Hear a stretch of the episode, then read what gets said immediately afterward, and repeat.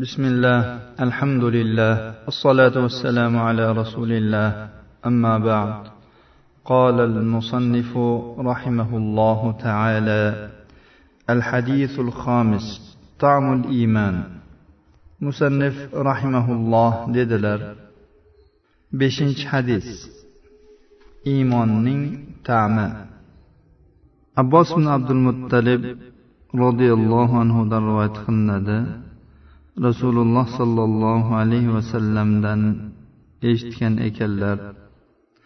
U zot aytdilarki kim ollohni rob deb rozi bo'lgan bo'lsa iymon ta'mini totibdi. Hadisning mana shu bo'lagi ya'ni man rodiya billahi robban kim ollohni rob ekaniga rozi bo'lsa. Biz hozirgina ishora qilib o'tgan oyatlar tavhidul ulug'iyani taqozo qilmoqda. Ya'ni alloh subhanahu va taoloni e'tiqodda va tasavvurda oshkorayu maxfiylikda bab barobar allohning ulug'iyat ilohlik xususiyatlari bilan allohni yakkalashdir.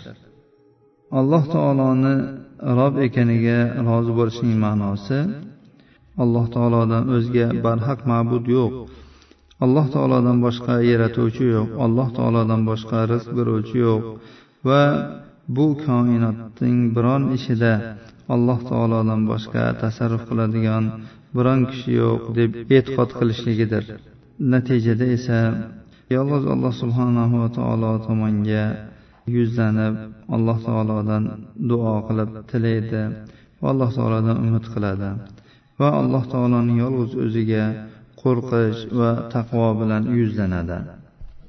Qur'oni karim tavhid aqidasi bilan uning qalbdagi va hayotdagi taqozolari o'rtasini juda ham mahkam bog'lagan va ulug'iyat tavhidiga va mana shu koinotdagi saltanat tavhidiga musulmon kishining zimmasiga yuklatiladigan barcha shar'iy vazifalarni bog'lab qo'yadi. So'ngra qur'oni karim mana shu tavhidning koinotdagi va dunyo va oxirat hayotidagi uning ta'sirlarini zikr qiladi. Va shu bilan birga allohning shariatiga u ulug'iyat tavhidining taqozosi deb e'tibor qilib ergashishlikni takror takror uqtiradi. Alloh taolo aytadiki va ilahukum ilahun vahidun la ilaha illa huvar rohmanur rohim إن في خلق السماوات والأرض واختلاف الليل والنهار والفلك التي تجري في البحر بما ينفع الناس وما أنزل الله من السماء من ماء فأحيا به الأرض بعد موتها وبث فيها من كل دابة وتصريف الرياح والسحاب المسخر بين السماء والأرض لآيات لقوم يعقلون ومن الناس من يتخذ من دون الله أندادا يحبونهم كحب الله والذين آمنوا أشد حبا لله ولو يرى الذين ظلموا إذ يرون العذاب أن القوة لله جميعا وأن الله شديد العذاب.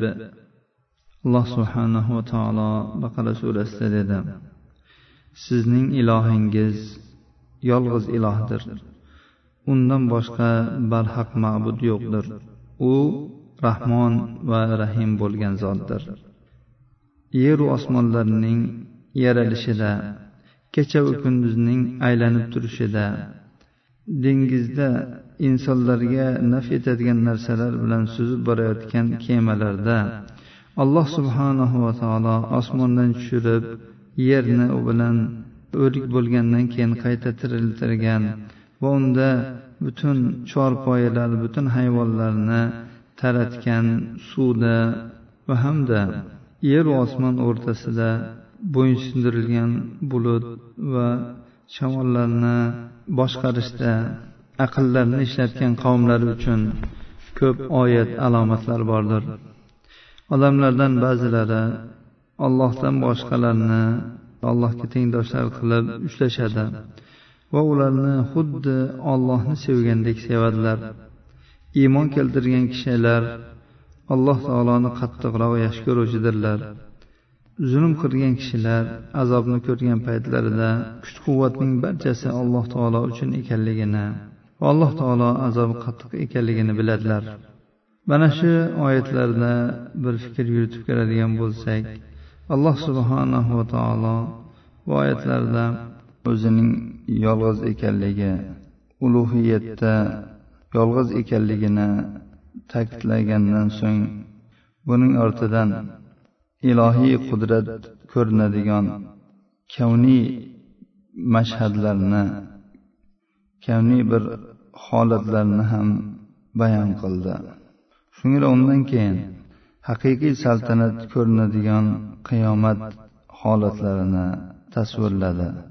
Bu oyatlar siyoqida bu ishlarni johiliyat urfiga ko'ra oladiganlarini qattiq tanqid qildi so'ngra iymon keltirgan kishilarni alloh taolo ularga halol qilib qo'ygan yaxshi narsalardan yeyishlikka buyurdi. Alloh taolo aytdiki u zot sizlarga maytani o'limtikni laxta qonni cho'chqa go'shtini va alloh taolodan boshqasining nomiga so'yilgan narsalarni harom qildi. Kim haddan oshmasdan tajovuz qilmasdan bu narsalardan yeyishga majbur bo'ladigan bo'lsa uning ustida gunoh yo'qdir. Alloh gunohlarni kechiruvchi va mustar bo'lib shu narsalarni yegan bandalarga rahmdil zotdir. Ushbu kabi tavhid ma'nolariga dalolat qiluvchi oyat karimalar qur'oni karimda juda ham ko'pdir. Ulamolar tavhidni uch qismga bo'lganlar. rububiyat tavhidi ulug'iyat tavhidi va ism sifatlar tavhidi mo'min kishi iymon ta'mini totishlik uchun mana shu uch tavhid ma'nolarini chuqur o'rganib bilish kerak alloh subhanahu va taolo mana shu uch tavhid qismlarini رب السماوات والأرض وما بينهما فاعبده واصطبر لعبادته هل تعلم له سميا oyatida jamlab qo'ydi. Rububiyat tavhidi yer osmonlar va ikkisi o'rtasidagi narsalarning parvardigori. Ulug'iyat tavhidi unga ibodat qiling va unga ibodat qilishda sabr bardoshli bo'ling. Ism sifatlar tavhidi. Siz unga biror tengdoshni bilasizmi? Unga o'xshaydigan biror narsani bilasizmi? Rububiyat tavhidi. Rububiyat tavhidining ma'nosi alloh subhanahu va taoloni yaratish va tadbir qilishda yakkalashdir. Buning dalillaridan biri alloh taoloning ushbu oyatidir. Ala lahul xalqu val amr tabarakallohu robbil alamin. Ogoh bo'lingiz kim? Yaratish ham buyurish ham alloh taolo uchundir. robbil olamin bo'lgan butun olamlarning tarbiyat kunandasi bo'lgan olloh muborakdir va ushbu oyat ham dalil bo'ladiki ولله ملك السماوات والأرض والله على كل شيء قدير yer osmonlarning mulki egidorligi olloh uchundir olloh har bir narsaga qodirdir butun yer osmon alloh taoloniki ekan uni tarbiyat qilib uni boshqarib turadigan alloh taolo ekan demak rububiyatda alloh taoloni yakkalashimiz kerak unga birortasini sherik qilish kerak emas. Tavhidi rububiyaning ma'nosi alloh taolo hamma narsaning xoliqi ekani va bu olam uchun sifatlarda va fe'llarda qiladigan ishlarida bir biriga teng bo'lgan ikkita yaratuvchi yo'q deb iqror bo'lishdir. Bu tavhidning haq ekanligida hech qanday shubha yo'qdir. Bu tavhidni banil bashardan ya'ni insoniyatdan tanilgan biror toifa inkor qilgan emas. Balki butun qalblar boshqa mavjudotlarga iqror bo'lishga tabiatlanganidan ko'ra mana shu tavhidga iqror bo'lishga tabiatlanganligi aniqroqdir. Payg'ambarlar o'z qavmlariga kelgan paytlarida tilidagi so'zlarni alloh taolo shunday bayon qiladi قالت رسلهم أفي الله شك فاطر السماوات والأرض payg'ambarlari ularga deyishdi yer osmonlarni yaratuvchi zot alloh taoloda shak shubha bormi yaratuvchini inkor qilgan balki o'zini inkor qiluvchi qilib ko'rsatgan eng mashhur odam bu fir'avndir. Muso unga dediki sen aniq bilasanki bu oyatlarni yer osmonlarning parvardigori aqllilar uchun dalillar qilib tushirdi. Fir'avn inkor qilib robbil alamin kim ekan u? deb aytgan paytda muso unga javob berib aytdilarki yeru osmonlarning va u ikkisining o'rtasidagi narsalarning parvardigori. Agar sizlar aniq ishonadigan bo'lsangizlar. Fir'avn atrofidagi kishilarga dedi sizlar buni gapini eshitmayapsizlarmi? Muso aytdiki sizlarning va sizlarning o'tgan ota bobolaringizning parvardigori. Fir'avn aytdiki sizlarga yuborilgan mana bu payg'ambaringiz majnundir. Muso aytdiki mashriq va mag'ribning va u ikkisi o'rtasidagi narsalarning parvardigori. Agar sizlar aqllaringizni ishlatadigan bo'lsangizlar. Rasululloh sollallohu alayhi vasallam aytdilarki allohni rob ekaniga rozi bo'lgan odam iymon ta'mini totibdi. Ya'ni alloh subhanahu va taolo butun maxluqotlarni o'z ne'matlari bilan tarbiyalagan. Va o'zining xos maxluqotlari bo'lmish payg'ambarlarni va ularga ergashgan kishilarni sahih aqidalar bilan va go'zal axloqlar bilan foydali ilmlar va solih amallar bilan tarbiya qilgan tadbir qilish rizq berish va yaratishda yolg'iz bo'lgan rob taolodir deb e'tiqod qiladi. Ulug'iyat tavhidi alloh taoloni ibodatda yolg'izlash ya'ni alloh taoloning yolg'iz o'ziga ibodat qiladi. Undan boshqa payg'ambar bo'lsin farishta bo'lsin valiy bo'lsin daraxt bo'lsin tosh bo'lsin oy bo'lsin bundan boshqa har qanday narsa bo'lsin bulardan birortasiga ibodat qilmaydi. Quyidagi oyatlar bu tavhidning dalillaridandir. alloh taologa ibodat qilinglar va unga biror narsani sherik qilmanglar va ambiyo surasining yigirma beshinchi oyatidagi alloh taoloning ushbu so'ziki وما أرسلنا من قبلك من رسول إلا نوحي إليه أنه لا إله إلا أنا فاعبدون sizdan oldin biror payg'ambarni yuborgan bo'lsak albatta unga vahiy qilganmizki mendan o'zga barhaq ma'bud yo'q menga ibodat qilinglar deb alloh taolo vahiy qilgan.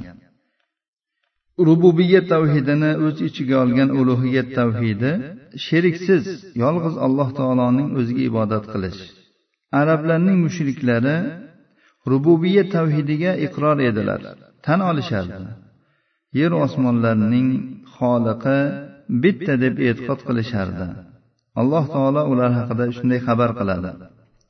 Agar siz ulardan yeru osmonlarni kim yaratgan deb so'raydigan bo'lsangiz ular albatta olloh yaratgan deb aytadilar.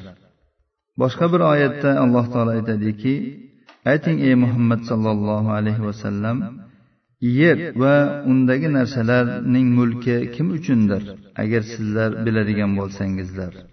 Ular tezda aytadilarki olloh uchundir.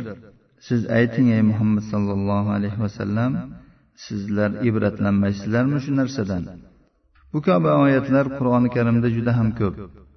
Mushriklar o'zlari ibodat qilayotgan but sanamlarda ular alloh taologa mana shu olamni yaratishda sherikdirlar deb e'tiqod qilishmas edi demak bundan bilinadiki e'tiqod qilinishi talab qilingan tavhid bu rububiyat tavhidini o'z ichiga oladigan ulug'iyat tavhidi ekan. Ya'ni mushriklarki tavhidi rububiyani inkor qilishmagan ekan ular inkor qilgan tavhid ulug'iyat tavhidi edi. Demak e'tiqod qilinishi talab qilinayotgan tavhid bu rububiyat tavhidni o'z ichiga oladigan ulug'iyat tavhidi ekan. Alloh taolo aytadiki فأقم وجهك للدين حنيفا فطرة الله التي فطر الناس عليها لا تبديل لخلق الله ذلك الدين القيم ولكن أكثر الناس لا يعلمون siz haqqa olgan holingizda sof islom diniga yuzingizni buring bu din alloh taoloning fitratiki olloh insonlarni hammasini mana shunga tabiatlantirgandir Alloh taolo yaratgan narsalarni o'zgartirish yo'q. Mana shu to'g'ri dindir. Lekin odamlarning ko'pchiligi buni bilmaydilar. Bu yerda dindan maqsad albatta islom dinidir. Alloh subhanahu va taolo butun maxluqotlarning ustida ulug'iyat sohibi deb e'tirof qilgan va uni ibodatlarning barcha turlarida yakka yolg'iz qilib uning o'ziga ibodatlarni qilgan. Va dinni hammasini allohning yolg'iz o'ziga ixlos bilan bag'ishlagan va bajargan har bir inson albatta iymon ta'mini totadi. Ism sifatlardagi tavhid. Bu tavhidning ma'nosi alloh taoloni ismlari va sifatlari bilan yakka yolg'iz sanashdir. Bu ism sifatlarda alloh taolodan boshqa birortasi sherik bo'lolmaydi bu ism sifatlar alloh taoloning yolg'iz o'ziga xos.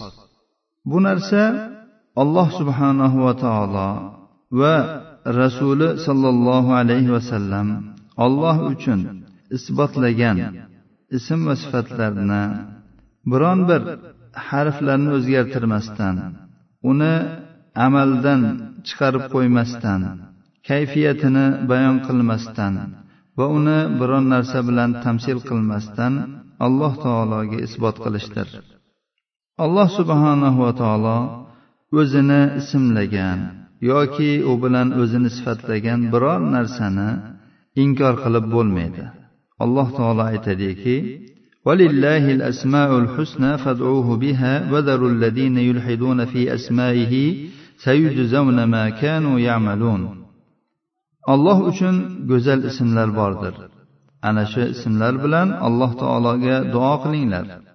Allohning ismlarida mulhid bo'lib haqdan og'ib ketayotgan kishilarni tashlab qo'yinglar. Ular qilgan amallarining jazolarini oladilar. Chunki bu mazkur ism sifatlarni amaldan chiqarishdir. Buning lozimi ana shu oyat hadislarni harflarini o'zgartirish bo'ladi. Bunga o'zgartirish kiritish bo'ladi. Yoki u narsalarni yolg'onga chiqarish bo'ladi.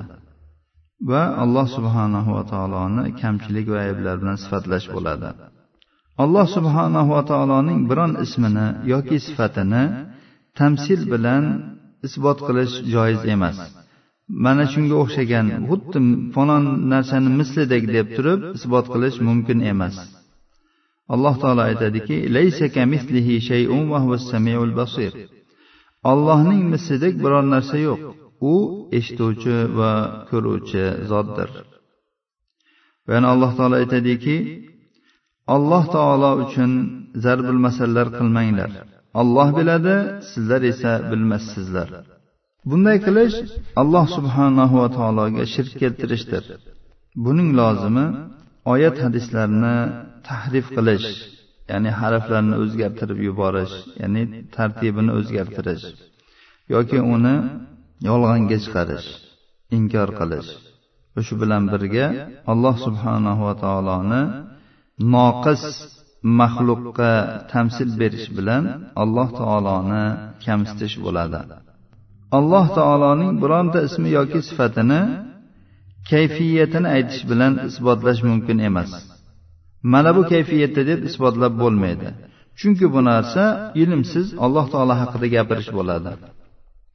kim alloh taoloning sifatlaridan birontasini inkor qiladigan bo'lsa yoki uni amaldan chiqarsa uning mana shu sifatni amaldan chiqarishi uning asmo va sifatlardagi tavhidini buzib yuboradi kim alloh taoloni maxluqotlardan birortasiga o'xshatadigan bo'lsa uning mana shu o'xshatishi uning tavhidini buzib yuboradi. Endi shu uch tavhidni bayon qilib o'tganimizdan keyin yana tavhidi rububiyaga biroz to'xtalib o'tamiz. Tavhidi rububiyani insoniyat ichidan ba'zi bir nodir kishilargina inkor qilgan. Bu xususda hozirgina aytib o'tdik shulardan biri fir'avndir.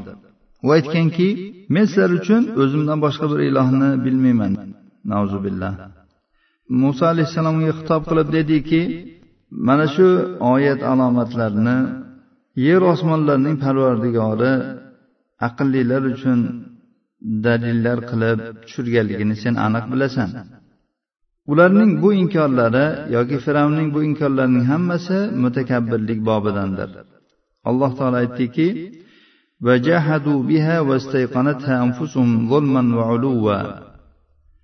ular bu narsalarni zulman va mutakabbirlik bilan inkor qilishdi. Holbuki ularning qalblari bu narsalarga aniq ishongandi. Bu koinot va unda ro'y berayotgan hodisalar alloh taoloning rububiyatiga va yolg'iz ekanligiga guvoh bo'lib turar ekan. Maxluqni yaratuvchisi bo'lish kerak. Yaratilgan narsani yaratuvchisi bo'lish kerak. Har bir ro'y berayotgan hodisani ro'y berdiruvchisi shuni bo'ldiruvchisi bo'lishi kerak. Alloh taolo aytganki ular o'zlaridan o'zlari hech narsasiz yaralib qoldilarmi yoki ular yaratuvchilarmi? Yoki ular yer osmonlarni yaratganmilar? Alloh taolo inkor qilyapti ularga. Ya'ni albatta ularni yaratuvchisi bor. Endi mana shu haqiqatga javob berish lozim bo'lgan paytda ana bu yaratuvchini inkor qilayotganlarning javoblari qoniqarli bo'lmadi. Hattoki gohilari hayron bo'lib javob berolmay jim bo'lib qolishdi. Darsimizni shu yerda to'xtatib turamiz. Qolganini kelgusi darsda davom ettiramiz inshaalloh